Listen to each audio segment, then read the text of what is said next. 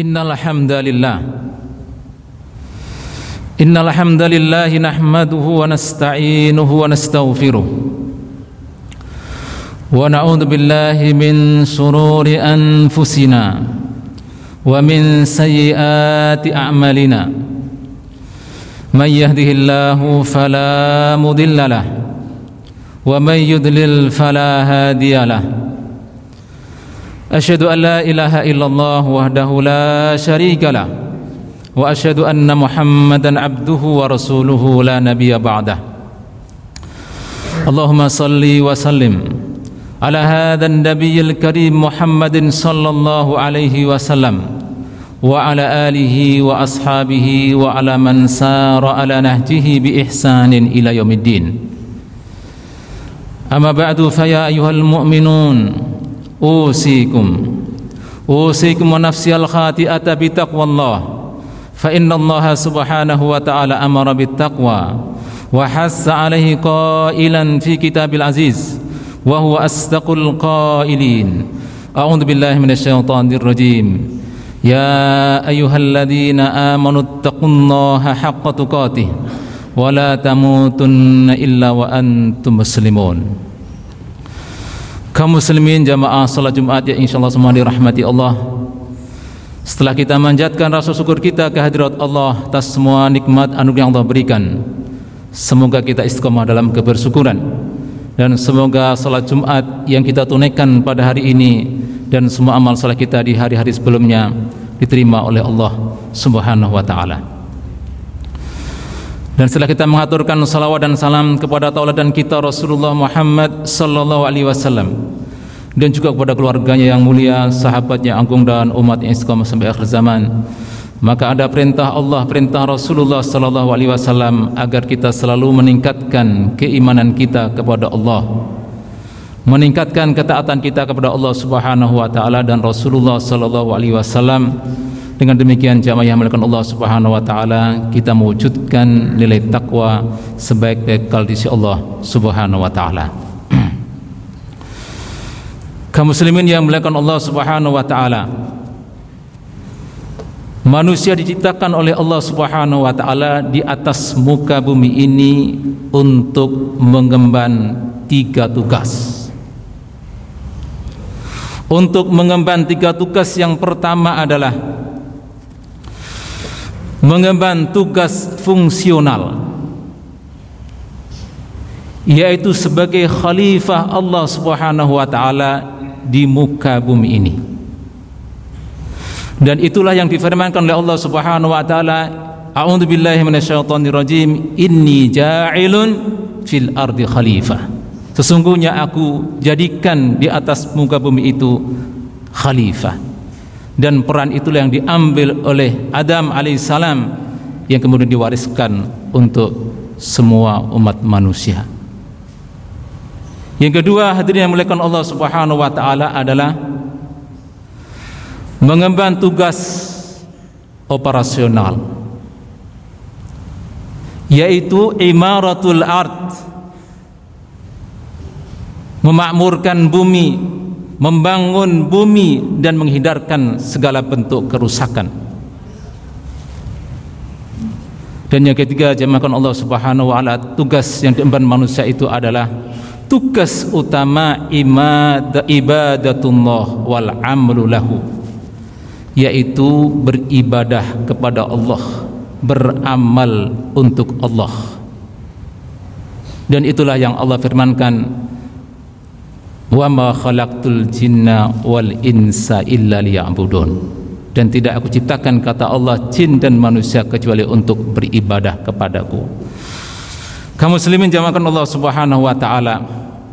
Maka untuk merealisasikan tugas utama yaitu ibadah kepada Allah beramal untuk Allah seorang manusia harus menjalankannya bima syara' sesuai dengan apa yang Allah syariatkan yang Nabi ajarkan. Fa inna Allah yuhibbu an yu'bada kama syara' karena sungguhnya Allah Subhanahu wa taala cinta kalau diibadahi itu sebagaimana yang Allah syariatkan yang Allah tetapkan. Dan pada saat yang sama jamaah Allah Subhanahu wa taala seorang hamba manusia dan kita semua harus menghindar dari yang namanya kesia-siaan. Kesia-siaan di dalam beramal. Perbuatan sia-sia adalah seorang beribadah, beramal tapi ibadahnya tidak diterima oleh Allah Subhanahu wa taala. Perbuatan sia-sia adalah seorang hamba Allah Dia beramal, dia beribadah Tapi tidak ada nilainya di sisi Allah subhanahu wa ta'ala. Perbuatan sia-sia adalah beribadah, beramal. Tapi justru pelakunya itu masuk neraka. Na'udzubillah Summa na'udzubillah.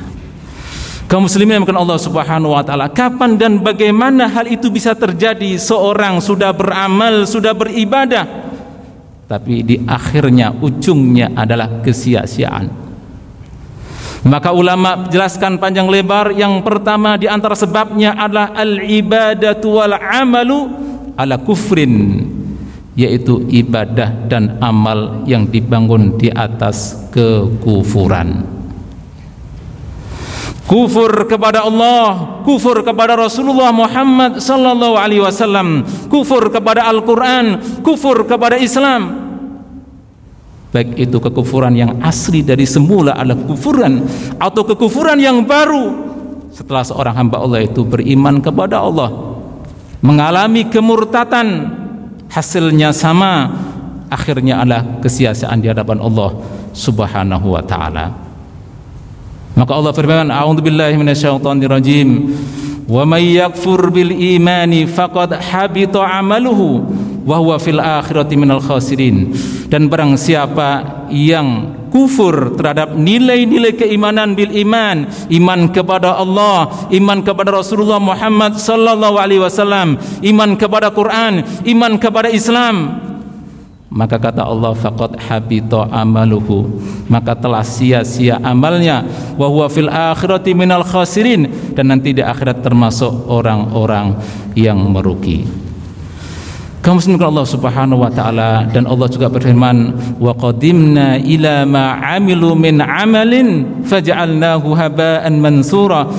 Kami lihat kata Allah Subhanahu wa amal-amal yang mereka lakukan faja'alnahu haba'an mansur tapi kami jadikan seperti debu yang berterbangan. Artinya tidak bernilai. Kamu Allah Subhanahu wa taala. Di dalam surat Al-Ghasyiyah 3 dan 4 Allah menceritakan tentang nasib penghuni neraka. A'udzu billahi minasyaitonir rajim Amilatun nasibah tasla naron hamiyah amilatun banyak rajin beramal beribadah. Nasibatun berlelah-lelah capek-capek beramal beribadah. Tapi hasilnya tasla naran hamiyah memasuki neraka hamiyah yang panas membakar. Naudzubillah min dalik. Jamakan Allah Subhanahu wa taala Al Imam Ibnu Katsir rahimahullah dalam tafsirnya mengangkat satu riwayat dari Abi Imran Al-Jauni. Qala dia berkata Marra Umar Umar radhiyallahu anhu bidairi rahibin. Satu ketika Umar radhiyallahu anhu pernah melewati satu kuil dengan seorang rahib. Lewat di situ ada kuil ada seorang rahib. Fanadahu maka dia panggillah sang rahib itu.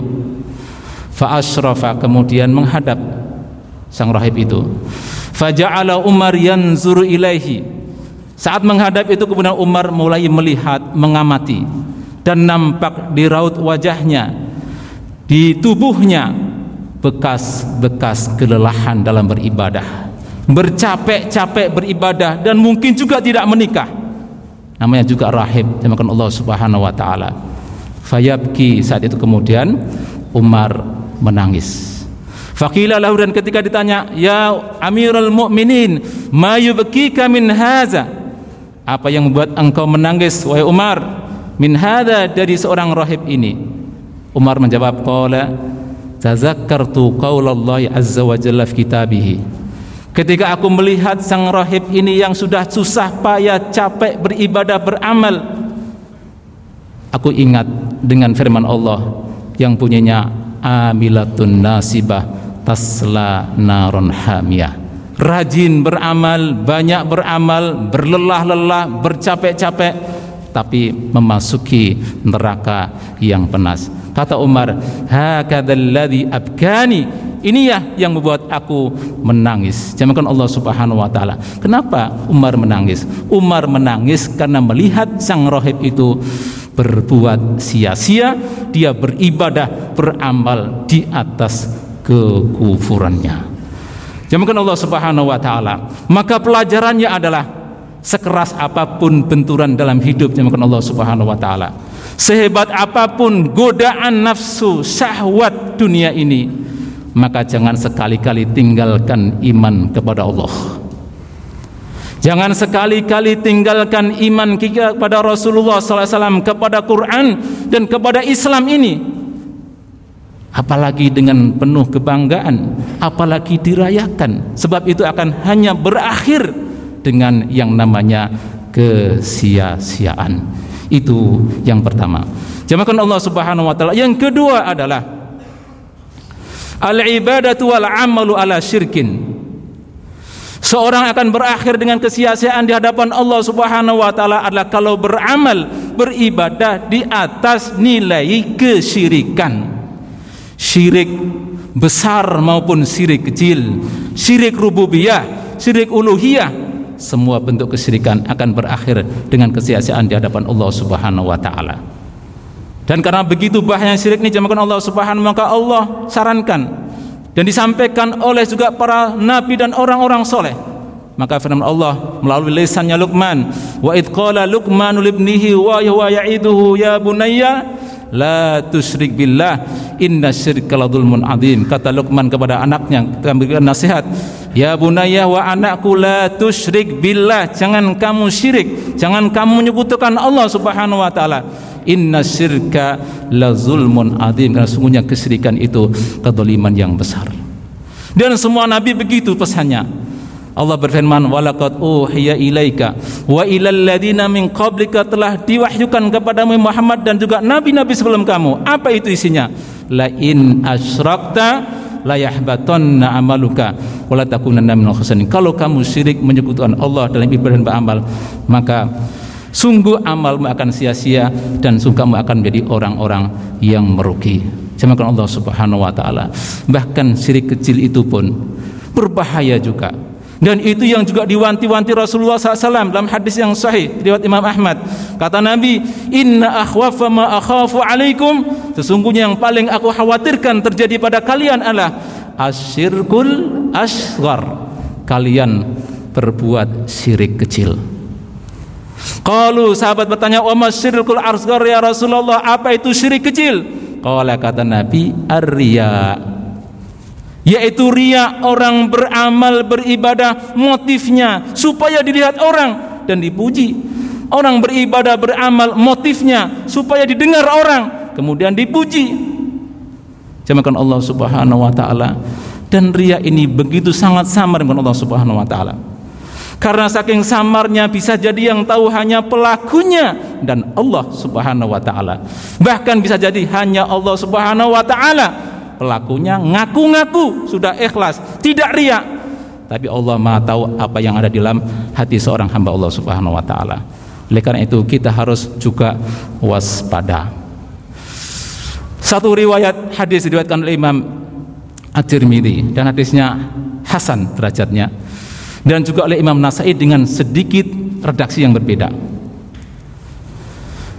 Kata Rasulullah SAW, "Idza kana yaumul qiyamah." Nanti saat hari kiamat, yanzilullahu 'alal ibad. Allah akan turun untuk menyelesaikan, memutuskan perkara semua hambanya. Fa awwalu ma yad'u dan yang pertama Allah akan panggil itu orang. Pertama adalah rajulun jama'al Qur'an wa rajulun ta'allamal ilma wa 'allamahu. Seorang penghafal Quran dan seorang yang pelajari ilmu dan mengajarkannya fa'arra'afahu ni'amahu. Kemudian Allah akan perkenalkan nikmatnya. Allah ingatkan tentang nikmat ilmu itu. Kemudian diakui oleh orang tersebut. Dan Allah kemudian tanya mada amilta? Wahai fulan apa yang kamu lakukan dengan ilmu itu? Yang kamu pelajari kamu ajarkan dengan Quran itu. Kata dia aku mu bihi ala al-lail nahar wa ata'allamu wa 'allamtuhu laka ya Allah aku lakukan, aku laksanakan Quran itu siang dan malam dan aku belajar ilmu dan mengajarkannya karena engkau ya Allah. Perhatikan, dia mengatakan karena engkau ya Allah. Yang aku karena engkau ya Allah.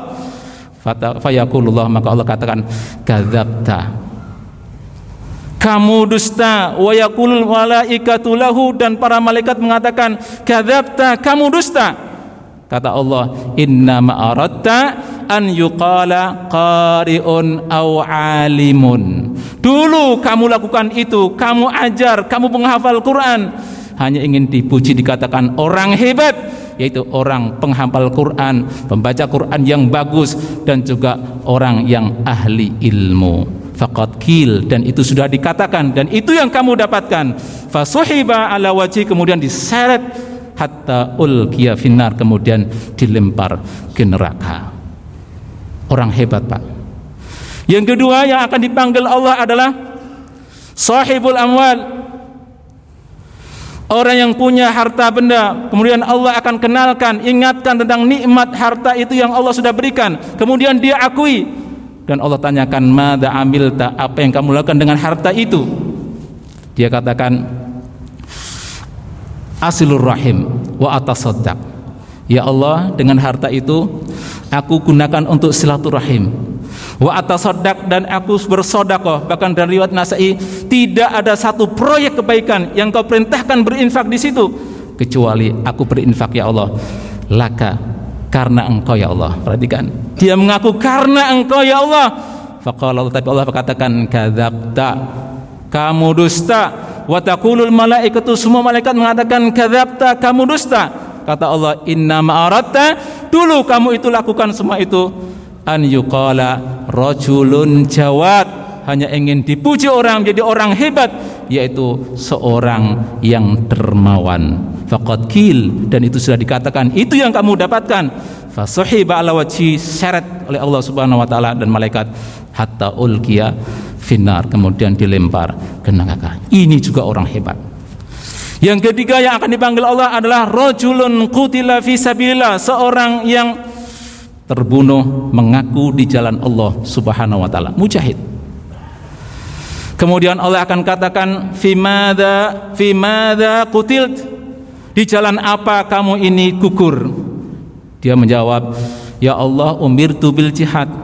Aku diperintahkan untuk berjihad faqataltu kemudian aku berperang pergi medan perang berjihad hatta kutilku fi sabilik sehingga aku gugur dan itu semua di jalanmu ya Allah perhatikan dia ngaku di jalanmu ya Allah subhanahu wa ta'ala tapi Allah katakan kadabta kamu dusta. Wa taqulul malaikatu dan malaikat berkata kadabta kamu dusta. Kata Allah inna aratta an yukala rajulun jari. Karena saat itu kamu pergi berperang itu hanya ingin dipuji orang dikatakan orang hebat yaitu seorang pemberani. Faqad kil dan itu sudah dikatakan dan itu yang kamu dapatkan. Kemudian fasuhiba finnar. Kemudian diseret hatta ulqiya finnar kemudian dilempar ke neraka. Saat itu maka Allah Subhanahu wa taala. Rasul kemudian berkata kepada Abu Hurairah sebagai perawi hadis ini, "Ya Abu Hurairah, wahai Abu Hurairah, inna haula'i salasa tiga orang itu awwalu khalqillah yaitu makhluk Allah pertama tusa'aru bihin nar yaumul qiyamah yang akan disulut pertama dengan api neraka. Naudzubillah summa itu adalah orang-orang hebat. Semua ahli ibadah semua ahli ahli beramal. Tapi karena niatnya yang busuk yang tidak baik maka kemudian dilempar ke neraka Dimakan Allah Subhanahu wa taala, maka kita harus memastikan selalu dalam setiap amal kita itu betul-betul keikhlasannya kepada Allah Subhanahu wa taala. Dan yang ketiga yang terakhir Allah Subhanahu wa taala yang akan menjadikan kepada seorang itu mendapatkan kesia-siaan adalah al ibadatu wal amal ma'azulmil ibad. yaitu beribadah, beramal banyak-banyak tapi disertai dengan kedoliman kepada orang lain. Sebanyak apa pun pahala Allah Subhanahu wa taala, tapi kalau kedoliman itu juga banyak, kedolimannya akan menenggelamkan orang. Berakhir dengan neraka Allah Subhanahu wa taala. Maka dalam hadis riwayat Imam Ahmad dari Abu Hurairah, Ja'a rajulun ada seorang datang faqala kepada Nabi ya Rasulullah wahai Rasul inna fulanatan yuskar ada seorang wanita yang disebut-sebut yang sangat terkenal masyhur ali ibadah. Bagaimana tidak? Kata orang itu min kasrati salatiha salatnya banyak salat sunnahnya. Wasiyamiha dan puasa sunnahnya pun banyak wasodakatiha dan sodakot pun banyak. Ghaira annaha tu'dhi jiranan bilisana tapi orang ini ya Rasul wanita itu punya kebiasaan buruk. Selalu menyakiti orang lain menyakiti tetangganya dengan lesannya. Jamakan Allah Subhanahu wa taala. Kata Nabi apa? Qala hiya finnar. Dia berada di neraka ditenggelamkan oleh kedoliman-kedoliman kepada saudaranya muslim yang lain. Dan kalau subhanahu wa ta'ala. Kedoliman kepada Allah hindari juga kedoliman kepada sesama manusia. Insya Allah kalau itu bisa kita hindari kita akan selamat di hadapan Allah subhanahu wa ta'ala. Barakallahu walakum. Aku wa astaghfirullah wa astaghfiruh innahu huwal ghafurur rahim.